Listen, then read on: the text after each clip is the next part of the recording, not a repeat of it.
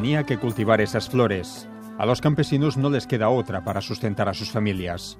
Opium poppy, que el mundo reviente con ellas. Opium poppy és el cascall, la planta d'on s'extreu l'opi, a partir del qual es fabrica l'heroïna i la morfina. A l'Afganistan, primer productor mundial d'opi, les zones de més cultiu són precisament les controlades pels talibans que guanyen almenys 100 milions de dòlars l'any gravant aquest mercat clandestí. Del cultiu i del tràfic d'opi en faran precisament part de la seva filosofia de vida els dos germans protagonistes d'aquesta història. L'altre element que determinarà la seva trajectòria serà la guerra afganesa. Allá, en las montañas de Kandahar, las armas eran más numerosas que las ovejas. Los Kalashnikov y las ametralladoras abandonados por los rusos en desbandada, los fusiles de asalto estadounidenses distribuidos en cajas enteras a los señores de la guerra, Atrapadas entre dos fuegos, sufriendo la sharia de los mulás y los daños colaterales de los misiles, las poblaciones diezmadas abandonaban pueblos y cultivos, cohortes andrajosas que huían del infierno de los combates. L'Alam i el seu germà petit d'11 anys es veuran atrapats com tantes famílies afganeses entre la guerra i el tràfic d'opi, dues opcions de vida que l'Alam pren com a bones. Tot i que els separen moltes coses, els uneix d'entrada l'amor per una veïneta, la Malalai. Detrás de esas paredes se movía una maravilla de la vida, una criatura de luz que el luto bárbaro de este mundo obligaba a camuflarse. Però l'agressió amb àcid a la nena, que s'acabarà suïcidant, serà només l'avançala d'un món d'horror on es cremen camions que duen llibres a les escoles o s'incendien les mateixes escoles i es degolla els professors.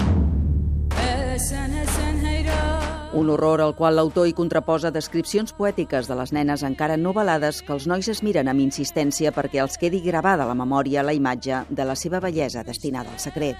Molt abans de convertir-se en les dones ja adultes condemnades a l'ostracisme, aquestes torres de silenci, com les descriu, que circulen furtives entre la multitud. L'Alam se n'anirà a combatre estrangers amb els peixtús a les muntanyes sense oblidar, però, l'altre negoci. El germà petit marxarà per buscar el germà indòmit i s'afegirà involuntàriament a les files dels senyors de la guerra. L'horror dins de l'horror.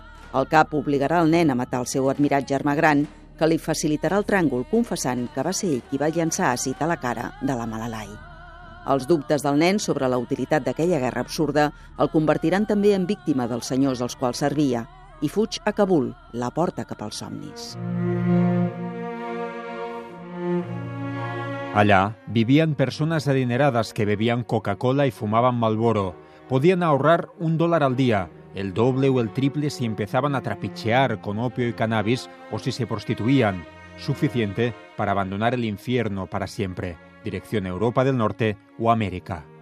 No s'ho rumia quan li parlen de França com el país dels drets humans i arriba a París amb un grup d'emigrants, fuig de les batudes policials amagat a les clavegueres i conviu amb grups marginals que li obren els ulls al tracte diferent que reben els pobres a Europa. Joven o viejo, cuando se vive en la calle lo esencial es mantener el tipo. En Kabul lo dejaban más o menos a su aire, a él y a la mirada de huérfanos que habitaban las calles. Hasta podía trabajar de vez en cuando, lavar parabrisas o vender cigarrillos. Aquí, sin embargo, se le da caza. Desde que tiene los zapatos calados, ningún uniformado deja pasar la ocasión de ladrar a su paso. Però el seu recorregut vital pel somni europeu s'estronca quan entra en contacte amb el mateix circuit que també movia els fils allà a les muntanyes afganeses, les armes i el tràfic de droga, un circuit que també, en el seu cas, i malgrat ser només un nen, esdevindrà mortal.